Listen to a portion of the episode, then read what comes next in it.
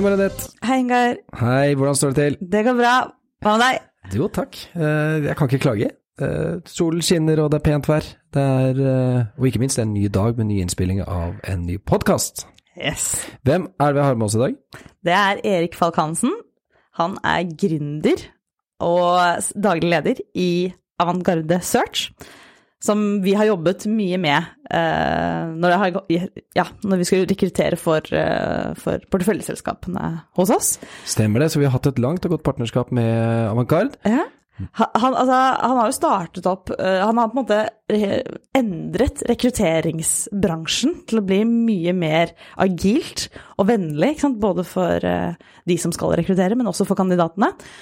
Så han har jo eh, bygd opp et selskap som har blitt kåret til gaselleselskap. Tre år. Det er ikke, det er ikke dårlig. Det er kjempekult. eh, Og han har også vært initiativtaker til CV-dugnaden under korona for å hjelpe folk inn i jobb igjen når de ble eh, permittert og sagt opp. Ja, dette her må vi ta et lite dypdykk. Vi må stille han spørsmål om dette her. Ja, så han har jo en enorm kompetanse på rekrutteringsbransjen som jeg håper at han skal dele mer med oss i dag. Og så vet vi jo det at Erik er en, eh, en artig kar. Han har mye tanker og mye meninger om eh, så mangt. Ja. Og så vet vi at han har en eh, drøm som går litt på utsiden av rekrutteringsbransjen, har noe han har lyst til å gjøre i, når han den dag legger dette her på hylla. Og så vet vi at han er glad i fotball. Ja. Så vi må touche litt borti disse forskjellige tingene, Marinette, må vi ikke det? Det må vi absolutt. Det er viktig å se det 360 mennesket på alle fronter. Nei, men du, hva sier du? Skal vi egentlig bare ønske Erik velkommen inn og sette i gang? Ja. Ja, men da la oss gjøre det, da.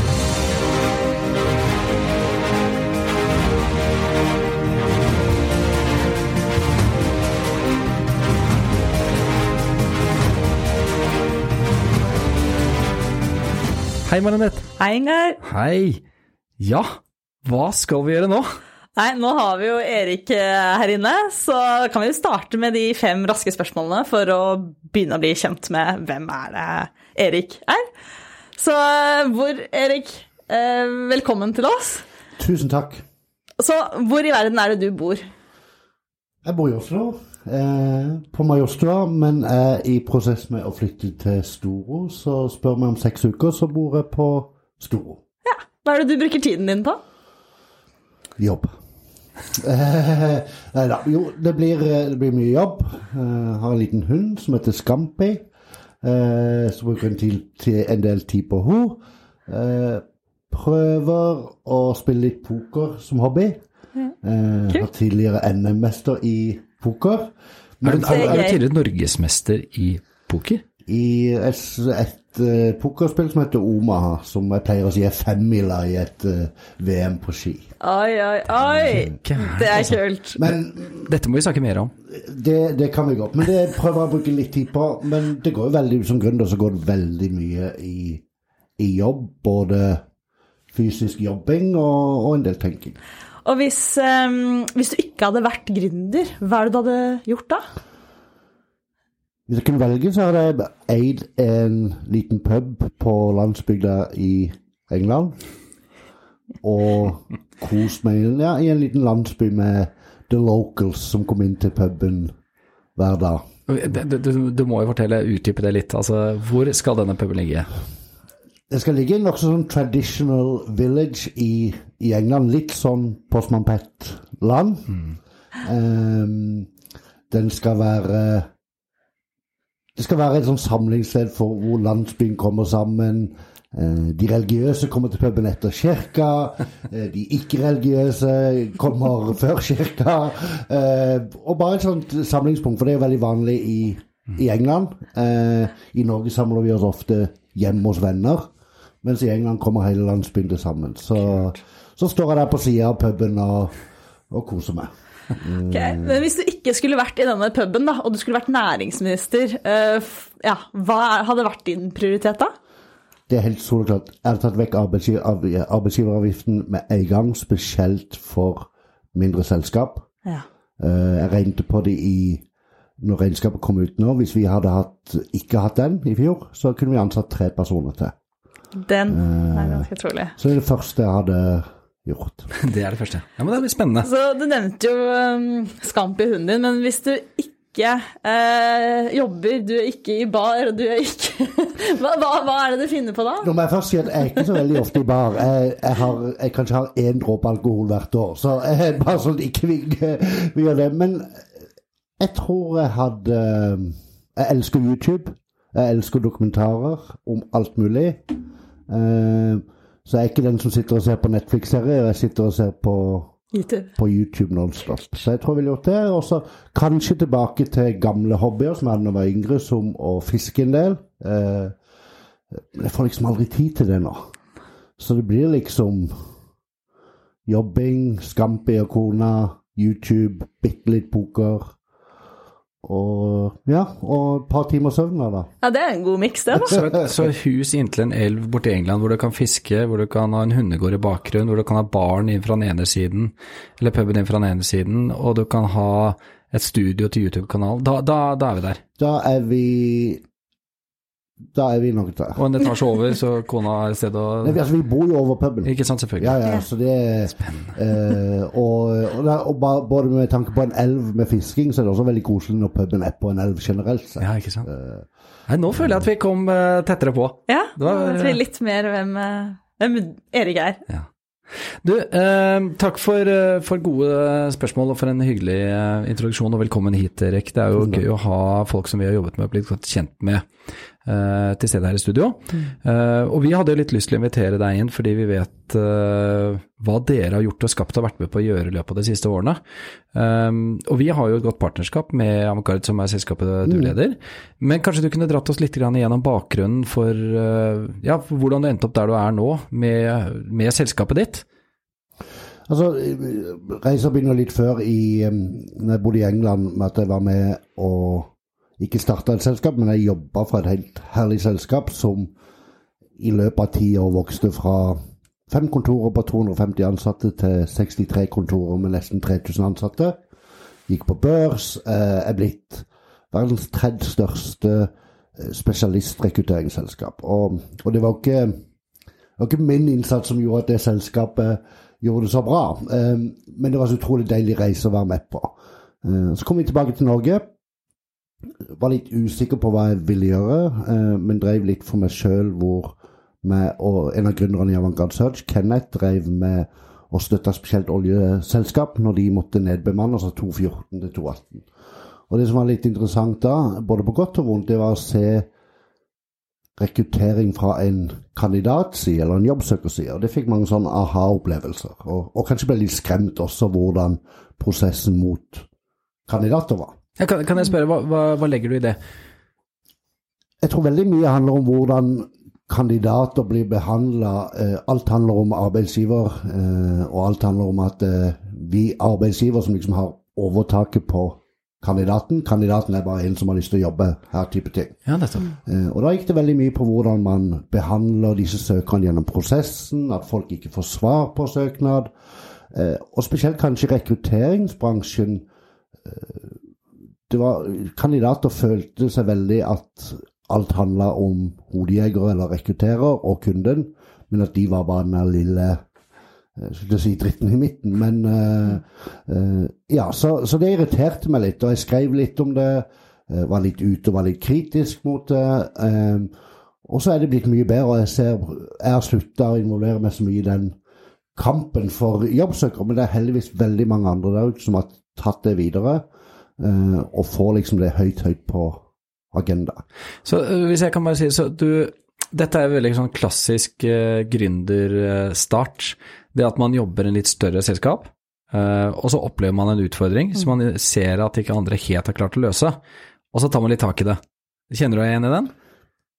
Ja, og så utvikla bare det seg i disse fire årene jeg drev med det, og så fikk jeg lyst til én å prøve å bygge noe sjøl og få erfare det gründerne mine i England gjorde, altså når jeg vokste der. Eh, og jeg tror ikke vi blir like store som de, langt ifra. Eh, men jeg vil også prøve å gjøre noe med kandidatreisen i henhold til hvordan vi, rekrutteringsbransjen, behandler eh, kandidater generelt, det være passive kandidater eller søkere. Spennende. Og så var vi i gang. Så var det i gang. Og da var det da rett til Avantgarde? Da starta vi Avantgarde Search. Jeg hadde et møte med Cognite like før vi starta på høsten 2018, og så sier de til meg at de har jo ikke lyst til å bruke eksterne selskap, men hvis de skulle bruke oss, så måtte vi love å inkludere de i hele prosessen. Og det er veldig uvanlig i vår bransje. Vanligvis å rekruttere vekk og gjøre longlist, shortlist osv. Og, og så skjønte jeg da at kanskje det var, kunne bli vår unike ting, at vi jobba mye tettere med kundene. Eh, og så ble liksom det ideen at vi skulle være spesialister og kunne jobbe inn mot eh, små og mellomstore tech-selskap. Men skulle vi også ha prosesser som var mye mer smidige, hvor vi jobba mye tettere med kunden. Så hvis du, Inga, kom på intervju hos oss for en CEO-stilling som vi hadde med en kunde, så har du kun ett møte med meg, og så skal neste møte være med selskapet du skal jobbe for. Du skal ikke gå gjennom en unødvendig prosess med, med Erik. Spennende. Så det er litt sånn ny, nytt, ny måte å angripe en måte, det markedet på, rett og slett. Altså stille seg litt på, på lag med søkerne også.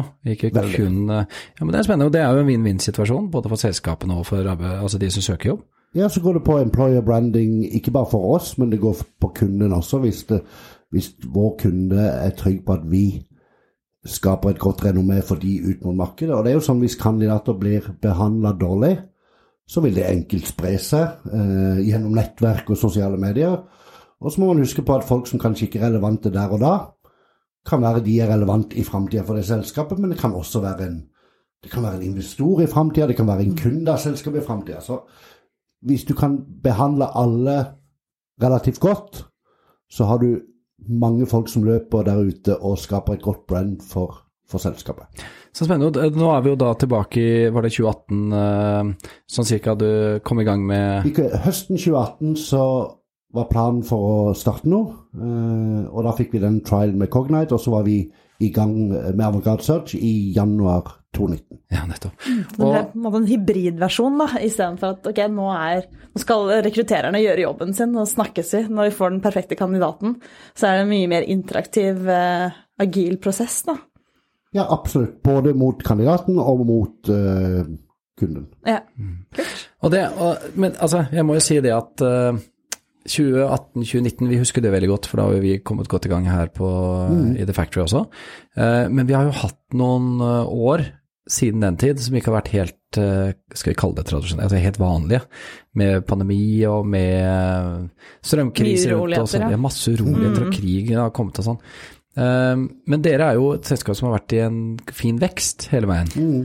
Hvordan har dere opplevd eh, Dere har jo blitt kåret til gasellebedrift hvor mange ganger?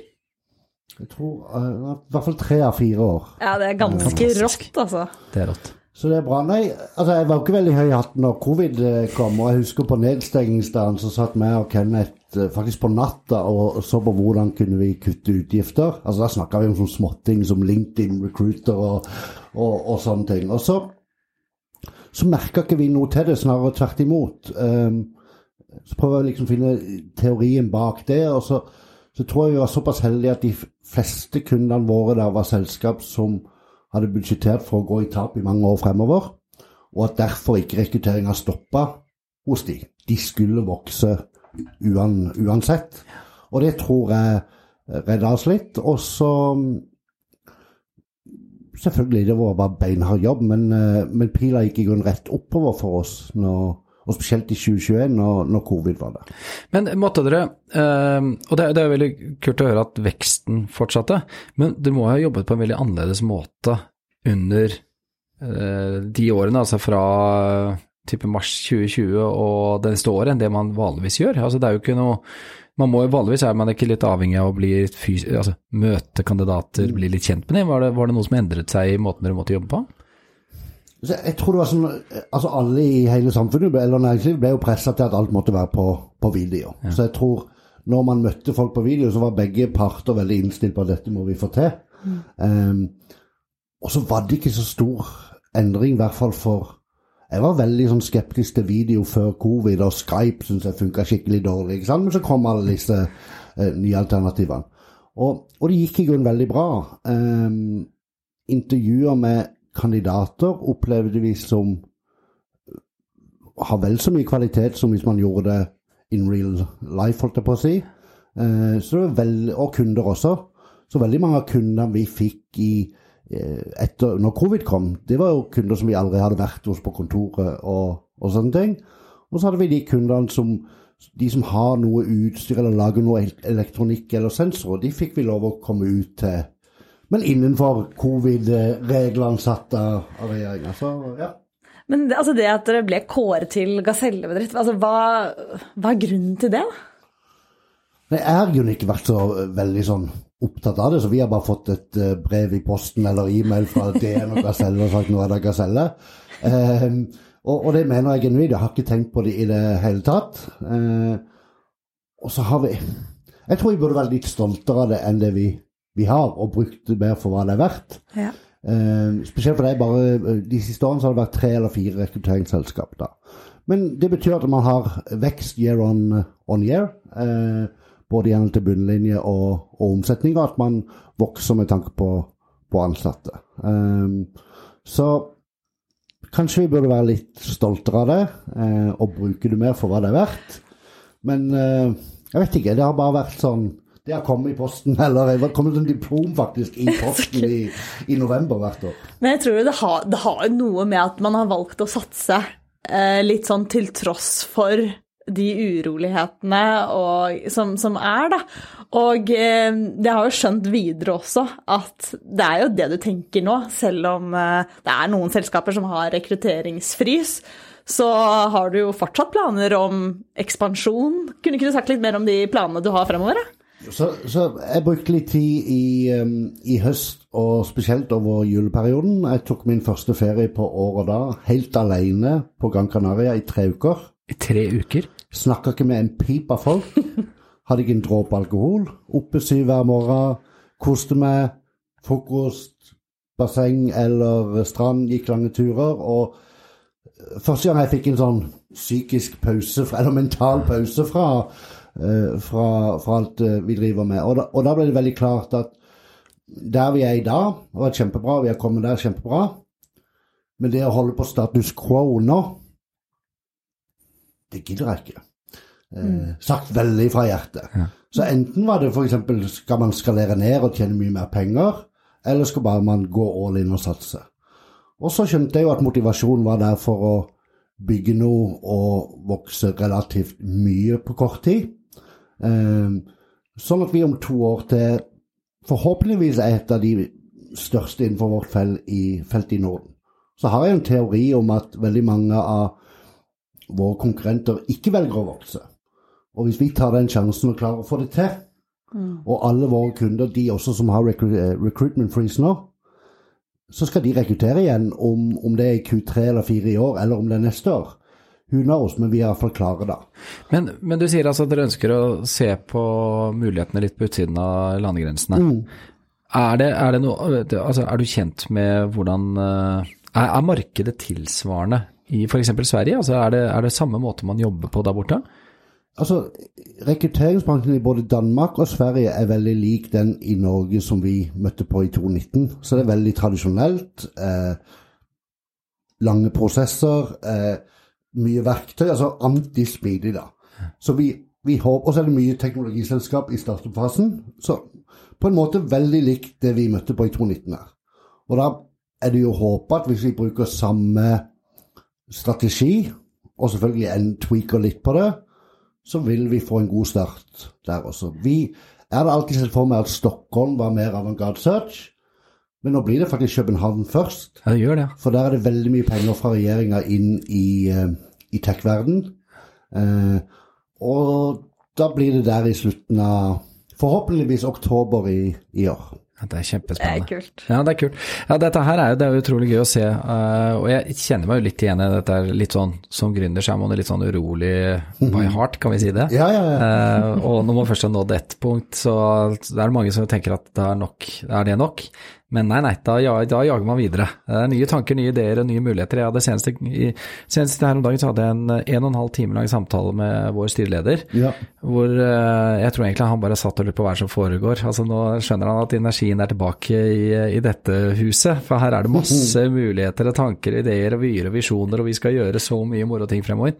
Og det er jo jeg syns det er litt av det fascinerende med gründermiljøet generelt. Altså, dere er jo så heldige at dere jobber med masse gründere eh, og ser alle disse tingene. Møter dere noen ganger på eh, gründere som kanskje har litt urealistiske planer som dere må sette dere ned og, og gi en litt pekepinn på hvor dere skal gå, eller tenker dere at dette her er, her er altså Du kjenner deg litt igjen i kanskje mindsetet de har, så går det an å kanskje jobbe sammen med de? Ja, altså Nå er ikke vi noen advisere advisorer til, til gründere, men, men på rekrutteringsbiten så tror jeg veldig mange gründere oppfatt, tror at de har det kuleste selskapet som alle vil jobbe for. Selvfølgelig. Og så må man manage deres expectations med at en, det er masse spennende selskap der ute. Det kan være de må konkurrere på lønn og goder som ikke de kan i henhold til f.eks. DNB og, og noe som man må jekke de litt ned og si at alle vil ikke jobbe for dere bare for dere sjøl tror dere har noe skikkelig kult nå. Og vi må tenke på det sjøl også. Det er ikke alle som vil jobbe for Avantgarde Search. Så jeg tror alle gründere med tanke på vekst og rekruttering bør i hvert fall ha i bok bakhodet at her har vi en jobb å gjøre med tanke på å selge oss til, uh, in, til kandidater. Men dette, dette er jo et kjempespennende tematikk som vi kommer litt inn på. Og dette er jo, det er jo liksom det å sitte som et gründerselskap og rekruttere inn personer som du vet også har masse muligheter til å kunne finne seg jobb i større selskaper, med langt bedre lønnings, eh, altså tilbud Ja, på ja. lønningssiden, pensjonsavtaler, altså det er ikke måte på hva man egentlig har muligheten til hvis man går til en av de store aktørene. Hvordan kan man som eh, gründerselskap skille seg litt ut uh, i de prosessene? Hva, hva burde man gjøre? Hvilke råd har du til gründerselskaper som nå er på jakt etter å finne gode kandidater? Skal jeg kanskje være litt realistisk her, så er det kanskje ikke det folk vil høre, men, eh, men nå går jeg den veien, da. Jeg tror en ting man må finne seg i, er at man må prøve å konkurrere på lønn. På, På lønn. Ja. Tro det eller ei. Eh, man kan ikke forvente at folk skal sitte på 300 000 mindre i gründer. Og, og dette med, med opsjoner og sånne ting har tidligere vært veldig bra, men nå gjør alle gründerselskap det. Så hvis, hvis du som gründerselskap tror at du skiller deg ut med å tilby opsjoner, du gjør ikke det lenger. Kanskje for tre år siden.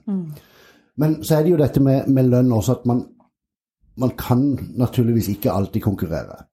Men en ting i hvert fall man ikke kan konkurrere på, og som ikke man skal bekymre seg for, det er dette med pensjoner og goder. For det, det er ikke et stort problem for folk. Så om de får 10% pensjon i DNB eller 2% med Avantgarde Search, det er ikke det som utgjør forskjellen.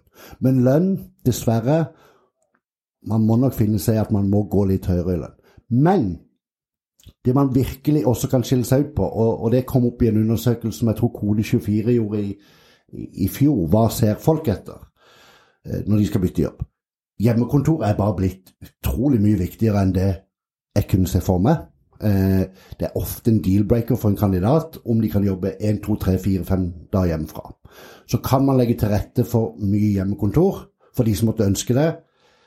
Da har du kommet nokså langt. Og nummer to, tro det eller ei, lokasjon. Det er blitt så viktig. Jeg hører Altså, man må nesten altså være på Lysaker eller Skøyen eller Fornebu.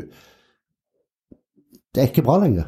Folk ønsker å jobbe i sentrum. Og som bodde i England, som har, har liksom, bodd en time vekke fra Jeg har aldri sett på det som viktig.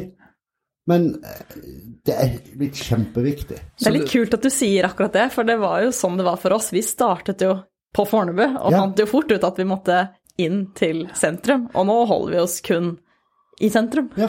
Ja, det er riktig. Og, eh, men jeg må jo si at jeg syns det var fantastisk å sitte på Fornebu. Det var et, og vi hadde et kjempegodt forhold til ordføreren i Bærum, og det var ikke måte på. Altså, vi hadde det veldig fint der ute. Men gründerne kom og sa at vi vil inn til sentrum, så det, vi kjente på den, altså. Og det er jo, Så nå må man kanskje ha en svær takterrasse og fancy lokaler for å få de riktige Jeg er litt, kandidatene. er litt sjalu etter jeg kom her til, til morgenen, men gi oss et år, så skal vi prøve å prøve, å- Gi oss to år, så skal vi, skal vi være der. Vi skal nok invitere Avantgarde-gjengen opp på når, en når eh, dere, Imellom der får dere invitere oss på, på litt party, så, men det gjør dere jo uansett. Det skal vi gjøre. det skal vi gjøre. Men vi var jo litt inne på det med employer branding. Eh, altså, hva er det For nå var du litt inne på altså, det med uh, forskjellige betingelser. Men hvordan kan man som selskap øke brandet sitt for at folk har lyst til å jobbe der, da? Altså, en ting, altså det, det som er bra med, for et selskap som skal rekruttere, det er at rekrutteringsprosessen er jo Du får så mye gratis med employer branding hvis du gjør det riktig. Eh, Og det er alt fra hvordan, det vi snakket om i sted, hvordan du behandler søkere og sånne ting. Det er hvordan du skriver annonser, hvor du legger ut annonser, hvilke type eh, bilder, logo osv. du bruker. Så, så det for selskap som ikke bruker en rekrutteringsprosess til også employer branding, mener jeg kanskje er litt naive. For det, man får så mye gratis med på kjøpet innenfor den employer branding-biten. Um, når det gjelder sånn generelt sett employer branding utenfor en rekrutteringsprosess, så er ikke jeg noe eh, ekspert på det. Uh, men for små selskap så, så er det vel nokså bra å være litt eh, out there, altså ute der. Litt sånn som dere, som dere og vi er. Og, og Ute i media? Ja, både i media og i grunnen generelt. Events, media, sosiale medier. Sant? Det, det er veldig mange som har hørt om Ja, ta oss, da, som er i grunnen bare et lite selskap som aldri har brukt en krone på markedsføring. Og Hvis man også kan gjøre en del in initiativer, tror jeg, da, på, på mer sånn charitable eh, Nå blir det en del engelskord her, men 16 år i England, så blir det det. Men, men altså veldedige greier, eller, eller et eller annet som har med samfunnet eller mangfold eller sustainability, er kjempenyttig. Og, og, og kanskje det En av de tingene jeg er mest stolt av med oss, det var at, og det har litt som vi skal snakke om dette med psykisk helse, men kvelden når covid kom, så hadde jeg lagt meg i senga for i ca. i titida, og så hadde jeg hørt mye om dette med dugnad rundt forbi. sant? Nå skulle alle hjelpe hverandre. Og så tenkte jeg hva kan vi gjøre? Og så fikk jeg en sånn idé, CV-dugnaden. Og så ringte jeg eh, bekjent i, i rekrutteringsbransjen som jobber for en konkurrent. Jeg tror jeg ringte klokka tolv på natta og våkna òg, eller altså midnatt, og så sier jeg du, CV-dugnad. Hvor vi samler rekrutteringsselskap, og så står vi og dere i spissen for dette, og så kan alle som mister jobben eller blir permittert, få gratis hjelp med CV. Og så var det liksom Dagen etter var det i Dagbladet, dagen etter var det God morgen Norge, og så var det dette utover alt. Og gjør man sånne ting, sånne initiativ, så vil det tiltrekke spesielt kunder på lang sikt. For nå har Hvis jeg sier til et selskap det var vi som sto bak CV-dugnaden, så husker de det. Å ja, det var tilbake under covid. Det var når det var på ikke sant, God morgen Norge. Så involvere seg litt i samfunnet. Det trenger ikke alltid være at man skal gjøre noe godt for folk, men gjøre noe godt for samfunnet er den beste måten å, å skape employer branding nå. Og, og, og mange norske selskap er blitt veldig flinke på det, men store selskap er mye bedre enn startups. Og startups kan gjøre dette. Det koster ikke penger. Men det, krever, men det krever litt av personene å, å ta et skritt frem og stille seg litt i, i front, og du har jo litt erfaring med å gjøre det for, eh, for noen områder som eh, jeg tror ikke alle egentlig har lyst til å sette ord på. Mm. Men hva er det som har gjort at du har, kalt kall det, funnet eh, energien og, og kraften til å kunne gjøre slike ting? Det er bare for at eh, Jeg vet ikke Bare går fullt inn og og det igjen, Vi kommer sikkert til det litt om det med, med, med, med psykisk helse, men hvis det er i form, så, så elsker jeg det. Og de gangene man møter blir slått ned litt, og så bare driter jeg i det og fortsetter.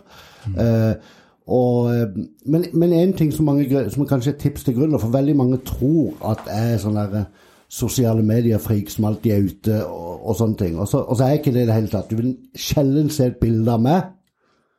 Kanskje etter denne podkasten, men jeg er fortsatt urolig for å legge ut et bilde av meg. Så man trenger ikke være den frempå-personen. Det kan være man ikke sant? Det kan være man tar et bilde av folk som jobber for deg. Man trenger ikke være den der eh, kule sosiale medier-fyren som alltid tar en selfie. Eller dama, for den saks skyld. Så prøv å gjøre det, men hvis ikke man er komfortabel med å liksom stå fram sjøl, så bruk andre. Uh, synes jeg er kjempe. Og da får også de ansatte litt mer kred, de også. Ja, ikke sant. Men la oss, la oss bevege oss inn på dette området når det gjelder dette med psykisk helse. Uh, vi har jo, uh, hva skal man si, det er jo en utfordring for mange som lever i en stressende hverdag. eh, å holde si, balansen mellom jobb, familie, eh, innsats man føler kanskje ikke man strekker til. Eh, Vi ser jo i, i gründerverden så har vi jo hatt mange eksempler på selskaper og personer som har møtt på utfordringer. Men du har tatt litt til orde for uh, og gått litt i bresjen på dette. Kan ikke du fortelle litt om, om dette, Erik? Jo, altså Det begynte vel med at Unnskyld, jeg er litt forkjøla i dag. Det begynte med at ei lang tid Altså, jeg har problemer siden jeg var Jeg skal ikke si liten, men fra jeg ble voksen, da.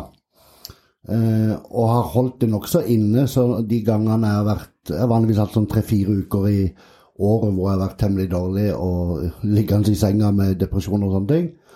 Uh, og ikke fortalt det til så veldig mange. Så jeg har liksom lyvd litt og sagt det er forkjøla eller influensa eller hva det måtte være. Så de eneste som har visst det, er liksom kone og foreldre, men de har heller ikke visst akkurat hvordan det har vært. Så jeg for tre år siden så var jeg skikkelig dårlig, og så fortalte eh, Jeg skrev en lang brev til, eller e-mail til både eh, familie, altså mamma, bror, pappa, kone, svigermor. Og da fikk de litt sånn Shit, dette er mye verre enn vi, vi trodde. Og så gikk det et år seinere, så valgte jeg å maile alle venner og, og litt ekstern, lengre ut familie. Og så tenkte så, så, så jeg en artikkel i, um, i Dagens Næringsliv med han advokaten Stig Beck, som hadde stått fram med, med bipolar. Uh, så litt seinere det året, eller året etter, så tenkte jeg at ok, han har fronta det kjempebra.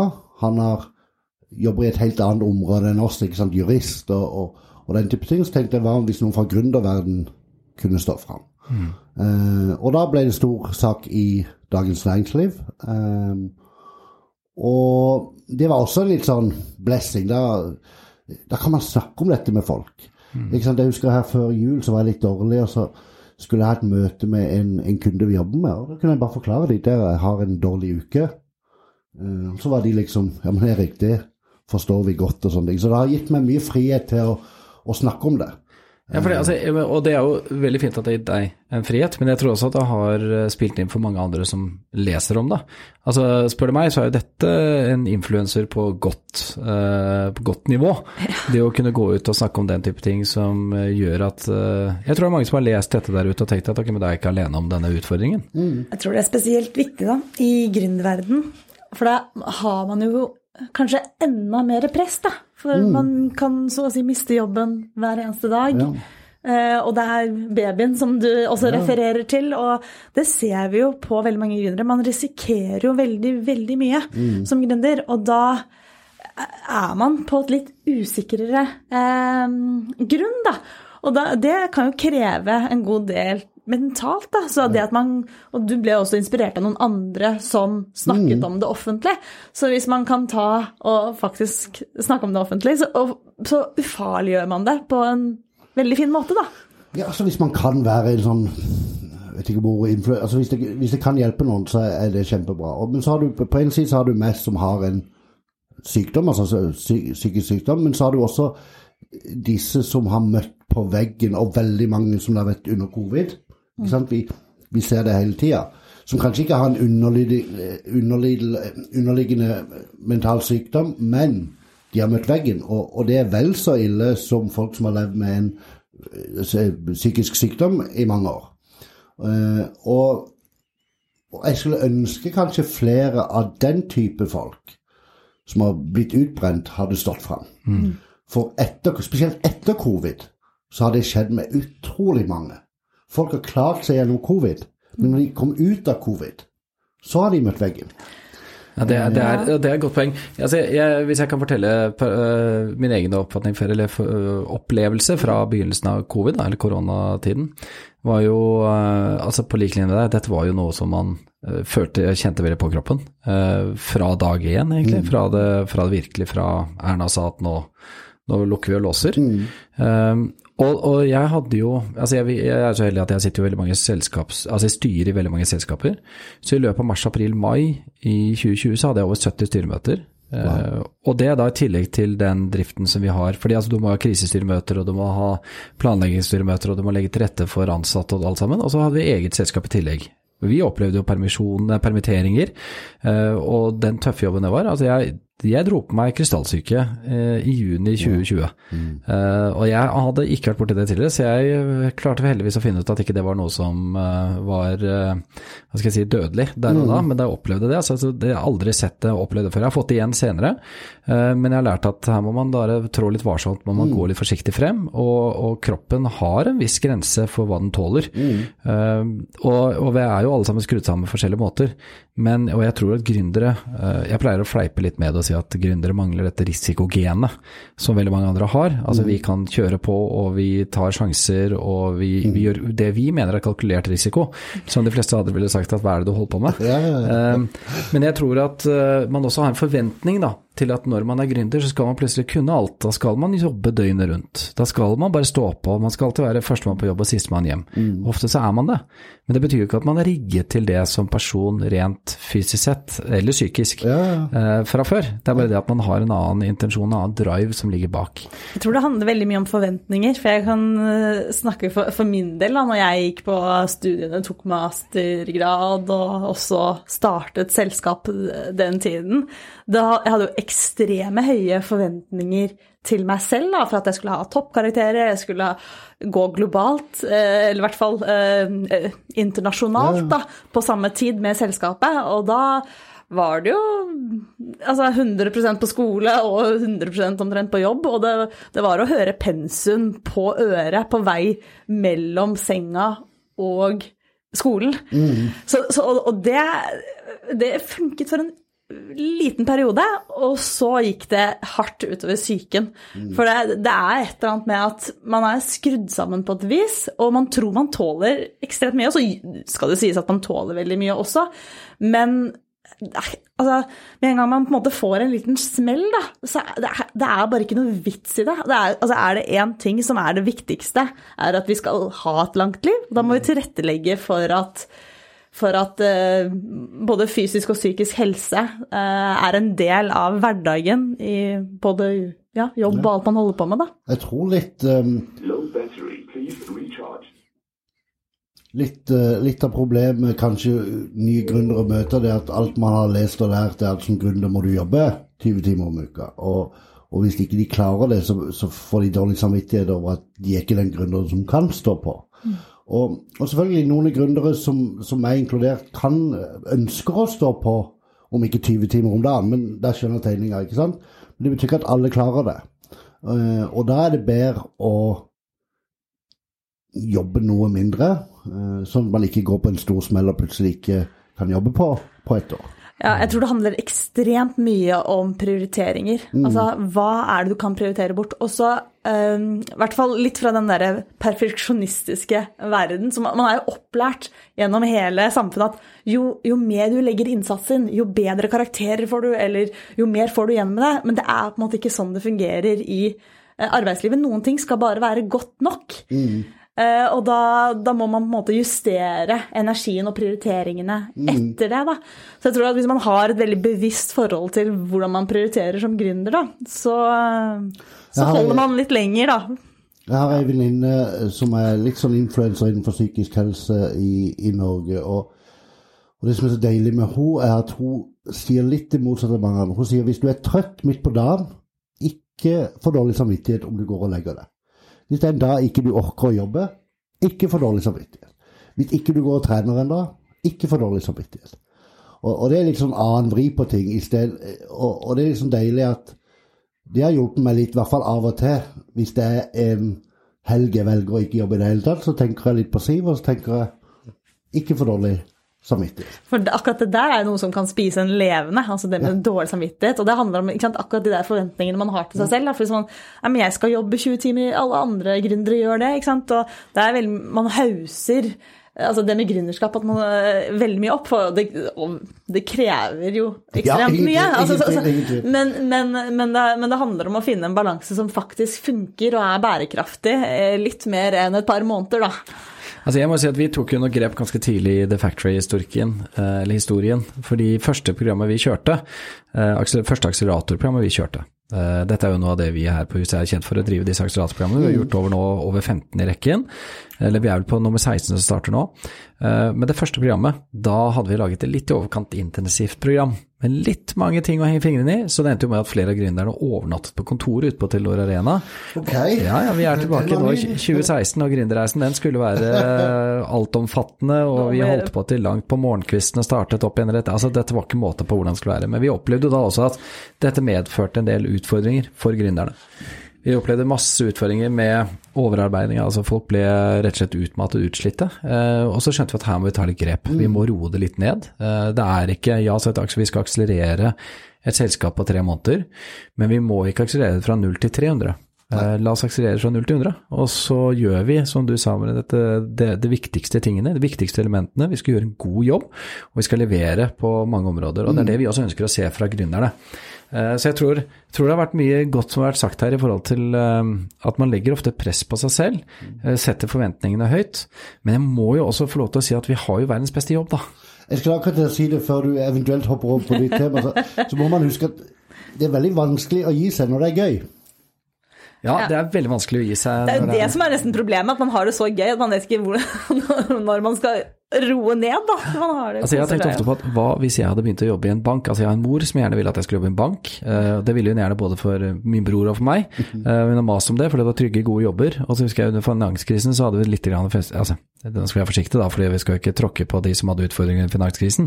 Men da var det veldig mange i bankverdenen som mistet jobbene sine. Eh, Og da husker jeg min bror sendte en melding til mamma og sa det at eh, ja, så kanskje vi skal bytte jobb til bankverdenen. Og da tror jeg hun egentlig skjønte at vi har det. Vi har det. Altså man har det bare man står på og trives og har det godt på jobben, så, så er det litt sånn samme hvilken bransje man er i. Men det er noe med at denne jobben som eh, man generelt sett kan kalle det, å være gründer, det å starte selskap, jobbe med gründere, ikke minst. Det er jo en helt unik mulighet til å se hvordan morgendagens næringsliv eh, trer frem. Eh, se hvordan nye muligheter skapes. Og du sitter jo midt i dette. Så det er kjempeheldig å se hvordan disse selskapene vokser, og få være med på den reisen, Erik. Det må jeg si. Ja, det er veldig gøy også. Og det er ikke noe galt med, med store selskaper. Jeg liker å, Vi jobber litt med de også, men eh, personlig så er jo min baby de små selskapene som forhåpentligvis skal, skal vokse godt. eh, ja. Så det er, og det, det er typisk, altså jeg vet at du vet at jeg kommer til å kommentere dette i og med at du sa det på den måten der. Er det derfor du også støtter eh, Leeds? Fordi du er litt sånn, de tar du underdogs og skal hjelpe de opp og frem? Altså dette er en fotballklubb som ligger på nivå to eller tre eller fire eller fem. Ja, ja, ja, right. Eh, du er tre år tilbake i tid. Nei da, eh, det var um, vel, Jeg skal fortelle en historie, for det er litt gøy. I 1990 så spurte pappa om jeg kunne sende et brev til Barcelona og til din klubb, Manchester United. Ja, og Lyn, da. Lyn er også Og. Lyn, ja. Du er der, ja. Um, og så sier han skal vi ikke sende et til Leeds også. Han var ikke noe. Så sender vi til Leeds. Syv dager senere så fikk jeg brev med bilder eller plak- plakater og autografer. Og da ble jeg Leeds-fan. Og så vant Leeds ligaen eh, i 1992. Og da var jeg allerede blitt storfan. Og så var jo det en av grunnene til at jeg flytta til England. Men det ironiske var at jeg hadde ikke gode nok karakterer for eh, University of Leeds, så jeg endte opp i Manchester. Å nei, Og Leeds og. Manchester har skikkelig sånn Ja, det det. eh, hatforhold. Men eh, klubben gikk jeg aldri ved. Jeg elsker Manchester som by, ikke som fotballag. Eh, og det var bare en tur over fjellene på 45 minutter på tog til, til Leeds. Så jeg tror jeg har over 300 kamper i, bak meg på live i, det? Så spennende. Det er, er fascinerende hvordan fotball eh, tiltrekker eh, interesse. Jeg vet ikke om du har fulgt eh, denne Netflix-serien om Rexham, som er i nivå 5, som er blitt Det har jeg faktisk ikke. Ja, og det er en Til alle der ute nå, dere må gå på Netflix og se historien, filmen om Eller serien om Rexham fotballklubb som kom fra Wales, som er blitt kjøpt opp av Ryan Reynolds og en som heter Rob McElhenney. To amerikanske Hollywood-stjerner som har kjøpt en eh, nivå 5-klubb. Og den er altså Den er så verdt å se. Eh, Så hvis man har en helg og man ikke har så mye andre planer, så gå inn og se den serien fra ende til annen. Nå kommer det snart en eh, sesong to. Men dere, vi skal ikke bare snakke om fotball. Vi har jo vært Eller det, det skulle jo ikke være en ren fotballpodkast. Nei, det, da, da har jeg ikke så mye å gjøre her lenger. Så, men, men, men du, eh, Erik, altså vi, vi, tiden har løpt fra oss. Sånn er det når eh, man sitter med, med et godt, godt lag og bare sitter og prater og har en hyggelig samtale. Jeg syns vi har fått dekket utrolig mye spennende med råd og innspill. eh, Men har du et aller, aller siste tips som du vil gi gründere der ute som enten skal ja, rekruttere eller vokse videre? Mitt beste tips er å være ute der, som vi snakka om i stad, eller be out der. Om det er i media, sosiale medier, events, alt mulig. Og det som er så bra med Oslo, det er ikke noe, er ikke noe eventsmann sjøl. Jeg tror det er jeg hater nettverket sånn fysisk. Alle tror det motsatte. Men det er gøy for de fleste, og så er det så utrolig mye som skjer, men uten at det koster penger. Jo da, man kan betale for konferanser og sånne ting som er kjempebra, men jeg tror hver dag i Oslo du finner et event som er relevant for gründere. Dere har jo også mange. Så gjør det. Så møter du folk, og du trenger ikke være den som løper rundt og skal hilse på alle og sånne ting. Men bare vær der og ta en kaffe eller en pils eller hva det måtte være. Og det må til og med jeg bli bedre på, men heldigvis har jeg elleve kollegaer som er superflinke på det og gjør den jobben for meg. Så bra. Så be out there. Be out there, kan vi si. Veldig, veldig godt. Ja, men Erik, eh, tusen takk for eh, tiden din. Tusen takk for at jeg fikk komme. Ja, det var veldig gøy å Takk bli for at du ja, tok turen. Neste gang jeg blir invitert, så er det takterrasse på Sankthans. Det satser vi på. Takterrassefest på Sankthans. Takterrassefest på Sankthans på siden av vinduet her. Gleder meg. Takk for at du kom, Erik. I like måte, dere. Tusen takk.